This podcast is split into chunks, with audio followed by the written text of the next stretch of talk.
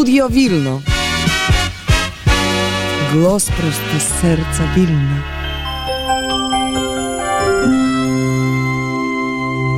Sponsorem Studia Wilno jest PKN Orlen. Dzień dobry, przy mikrofonie Agata Antoniewicz i dzisiaj nadajemy naszą audycję w bardzo nietypowym e, miejscu, bo pomiędzy Kościołem Świętego Ducha, gdzie msze święte odbywają się w języku polskim, a Sanktuarium Bożego Miłosierdzia, gdzie wisi obraz Jezusa Miłosiernego, słynny obraz na całym świecie. Jesteśmy gdzieś po środku, w bardzo przytulnym miejscu pod nazwą cozy. Tu wręcz warto nadmienić, że nazwa jest e, w barwach żółto-niebieskich na znak solidarności z walczącym narodem ukraińskim.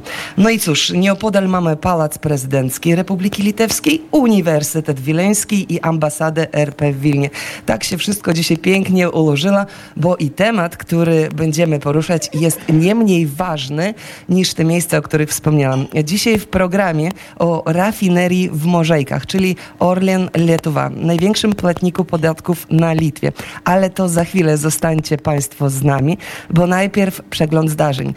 Patrzę na zegar, a tu wybiła godzina 10.10 w Polsce e, z godzinową, z godzinową różnicą i jest godzina 9.10. Wileński przegląd zdarzeń.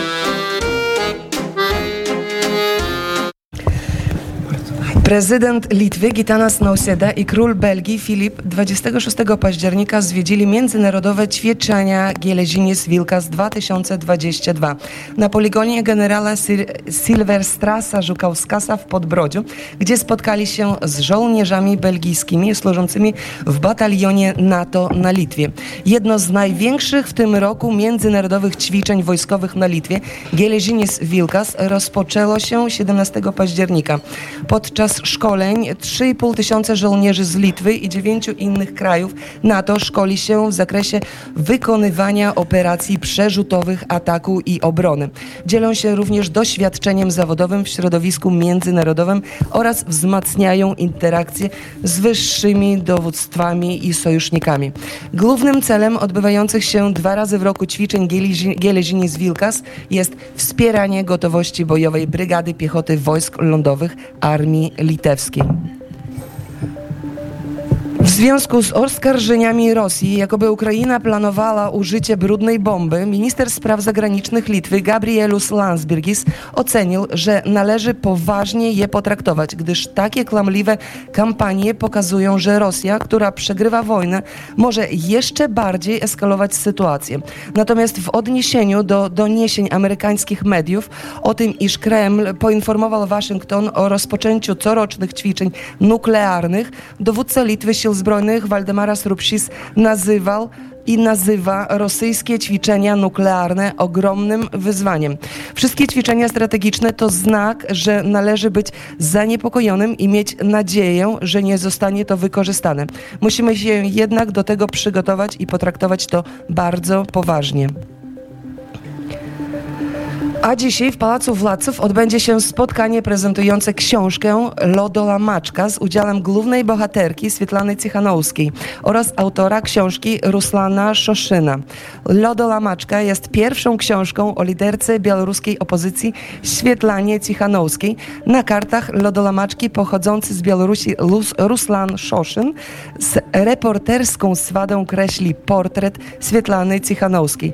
Zwyczajnej dziewczyny z Mika Łukaszewicz na południowych krańcach Białorusi. Jak to się stało, że zaryzykowała wszystko, co było dla niej najcenniejsze i rzuciła wyzwanie dyktaturze Łukaszenki?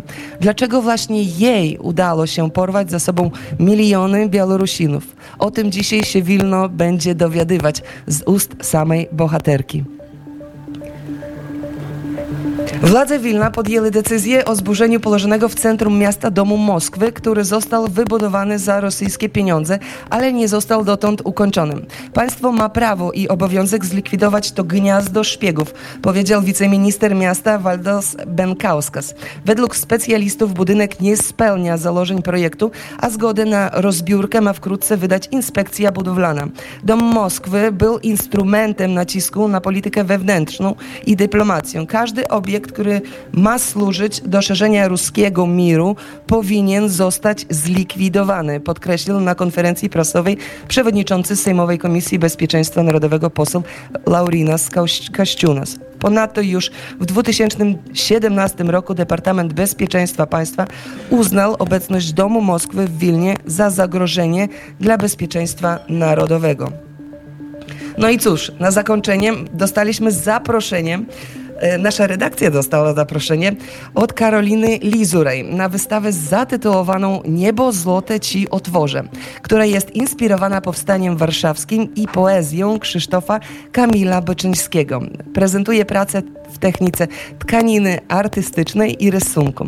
Karolina, która mieszka w Warszawie i pracuje w pracowni tkaniny artystycznej Akademii Sztuk Pięknych, nie tylko nas, e, drodzy słuchacze, ale i Was zaprasza, aby się zanurzyć w świat tkanin i rysunku właśnie w Wilnie. Polska artystka Karolina Lizurej jest zafascynowana i zainspirowana historiami.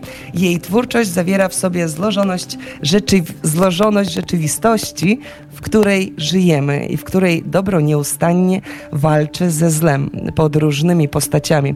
Jak zaznacza, opowiadanie historii pomaga nam znaleźć wspólny wątek, który pozwala nam zrozumieć nie tylko różne pokolenia, ale także naszą własną tożsamość. Wystawa potrwa do 4 listopada w Galerii Artiflex w Wilnie przy ulicy Gaono 1. Zaproszenie aktualne dla wszystkich słuchaczy Radia Wnet. Wilno. Gościem studia Wilno jest Jakub Januszkiewicz, doradca dyrektora generalnego Orlen Lietuwa do spraw relacji zewnętrznych i marketingu. Dzień dobry panu. Dzień dobry, szanowna pani redaktor. No właśnie, dobry, dzisiaj, dzisiaj będziemy rozmawiali na temat e, morzejek, na temat wyzwań dla przemysłu naftowego, rafinerii w morzejkach. Wojna, koronawirus, e, taka nieprosta sytuacja międzynarodowa. E, jak sobie radzą z tym e, morzejki? Jakie mają trudności? Mhm. Sytuacja tak naprawdę jest bardzo niezwykła i państwo chyba nie wiecie, więc powiem, że rafineria została wybudowana w 1900 1980 roku. Ona była budowana, żeby przerabiać e, tylko ropę rosyjską, czyli ropę ciężką. I jak niedawno tutaj mieliśmy koronawirus, czyli w 2019 roku po rozpoczęciu, mieliśmy mniejszy przerób i mieliśmy po prostu więcej czasu po to, żeby prowadzić różne testy. I dzięki temu jesteśmy w stanie przerabiać nie tylko ropę rosyjską, ale i ropę lekką, nie z innych kontynentów czyli z takich krajów jak e, Stany Zjednoczone, z Morza Północnego i też Saudi Aramco. E, jeżeli mówimy właśnie o nowych instalacjach, jakie one są w rafinerii? Nowa instalacja to tak naprawdę mamy teraz taki jeden poważny projekt. Nie? To jest e, największa inwestycja grupy kapitalowej Orlen poza granicą, czyli na Litwie. Nie? Ten projekt nazywa się Bottom of the Barrel i w sierpniu właśnie, w tym roku w sierpniu mieliśmy otwarcie tej budowy, więc wszystko rusza tylko do przodu. Nie? Celem tej instalacji jest głębszy przerób surowca, więcej produktu i możliwość e, późniejszego rozwoju sektora petrochemicznego i energetycznego, czyli zielonej energii.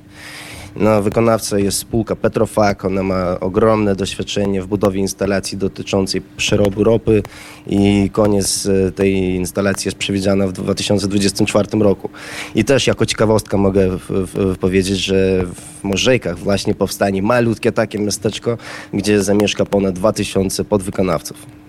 E, no właśnie, jeszcze chciałam się dowiedzieć, jak się posuwa proces tych dywersyfikacji z dostaw rosyjskich, e, bo tak nagle została nas ta wojna 24 i jak, jak sobie radzicie z tym elementem, jeżeli chodzi o dywersyfikację? Mm, radzimy tak naprawdę bardzo dobrze. Jak i mówiłem, że od wybuchu wojny, a konkretniej to marca, zrezygnowaliśmy z rosyjskiej ropy, a obecnie teraz już jako, jak mówiłem, że jesteśmy w stanie przerabiać inną ropę. Czy jeszcze takie pytanie mam e, odnośnie tego, czy się angażujecie w jakiś sposób e, w pomoc uchodźcom ukraińskim? Oczywiście. Jesteśmy odpowiedzialną spółką społecznie, też dlatego realizujemy różne projekty e, dotyczące uchodźców z Ukrainy, też które uciekają przed samą wojną. E, pracujemy z różnymi funduszami, dzięki którym wsparcie jest naprawdę ogromne. Jako rafineria jest w Morzejkach, to współpracując z samorządem Morzejk zapewniliśmy dużą ilość łóżek, które zostały przekazane do różnych miejsc, gdzie są warunki do życia dla uchodźców. Też mieliśmy taką akcję, że mamy ponad półtora tysiąca pracowników i zrobiliśmy taką akcję, że dzielimy, oddajemy wszystkie rzeczy, które możemy sobie pozwolić dla uchodźców, które mogliby pomóc tak naprawdę. Nie? I na Litwie też są dwie spółki Orlenu, to Orlen Lietuva i Orlen Baltics Retail. Orlen Baltics Retail to spółka odpowiedzialna za sieć stacji, a Orlen to za rafinerię. No i na przykład sieć stacji zapewniła miejsce pracy jako opera- operator na stacjach, natomiast rafineria zatrudniła laborantek i nie tylko.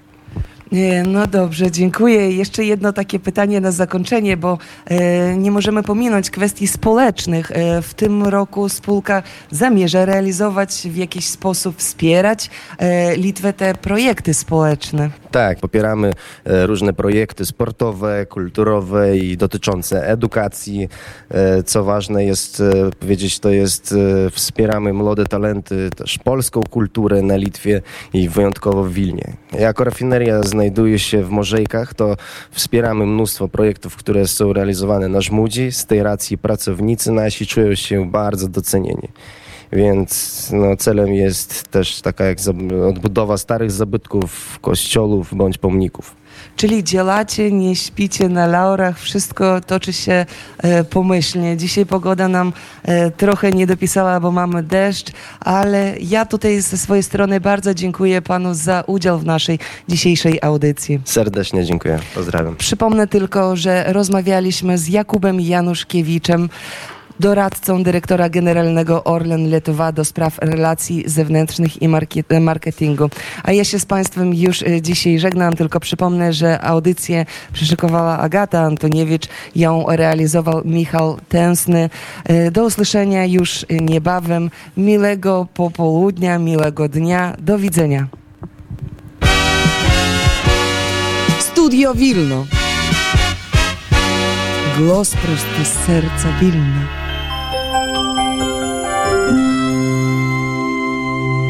Sponsorem studia Wilno jest PKN Orlen.